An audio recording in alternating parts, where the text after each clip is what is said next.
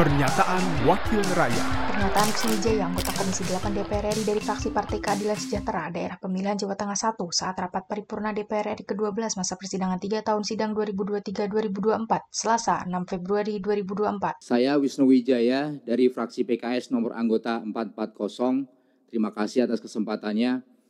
Sungguhnya kami merasa prihatin karena selama kami turun ke masyarakat, Dapil Jawa Tengah 1, Belakangan ini kami menemukan banyak sekali keluhan dari warga kami, khususnya para penerima manfaat bansos, PKH, BNPT, BPNT, sembako maupun yang lainnya di mana mereka mengalami intimidasi dari sejumlah pihak yang mengancam akan mencabut bansos yang telah diterima karena beda pilihan politik.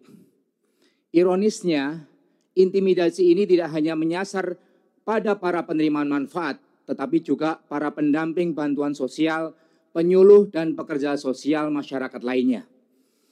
Dalam kapasitas kami sebagai anggota Komisi 8 DPR RI, maka saya ingin menegaskan bahwa praktik tersebut adalah zalim dan tidak dibenarkan secara konstitusi. Penerima bansos bukanlah objek untuk dieksploitasi, apalagi ditakut-takuti karena kondisi kekurangan mereka. Demikian juga dengan para pendamping sosial yang selama ini telah berjasa sebagai ujung tombak program yang membantu negara mengentaskan kemiskinan hingga di pelosok desa. Negara harus menyayangi, mengasihi, melindungi, serta memberdayakan mereka agar dapat memperoleh taraf hidup yang sejahtera dan bermartabat. Tidak boleh ada diskriminasi, apalagi intimidasi kepada warga negara hanya karena beda pilihan politik mereka. Lagi pula, secara peraturan perundang-undangan, kewenangan untuk mencabut dan mengusulkan bansos PKH didasarkan pada peraturan perundang-undangan bukan oleh faktor like or dislike penguasa, apalagi beda pilihan politik.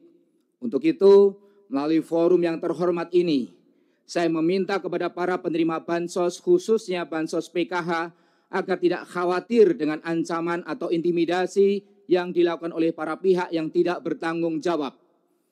Adalah tugas kami sebagai anggota DPR Pusat untuk melindungi ibu bapak sekalian agar senantiasa terpenuhi haknya dan terlindungi berbagai gangguan dan ancaman dalam memperoleh bantuan dari negara. Sementara itu, saya juga mendorong aparat penegak hukum agar bisa responsif dalam merespon fenomena ini dan mengambil langkah terukur demi menciptakan suasana yang nyaman dan kondusif di tengah masyarakat kita. Bansos adalah amanat konstitusi, pasal 34 ayat 1 Undang-Undang 1900 Undang-Undang Dasar 1945, yakni kewajiban agar negara memelihara fakir miskin dan anak-anak yang terlantar, yang kemudian definisi dan rumusannya diperjelas melalui Undang-Undang Nomor 13 Tahun 2011 tentang penanganan fakir miskin.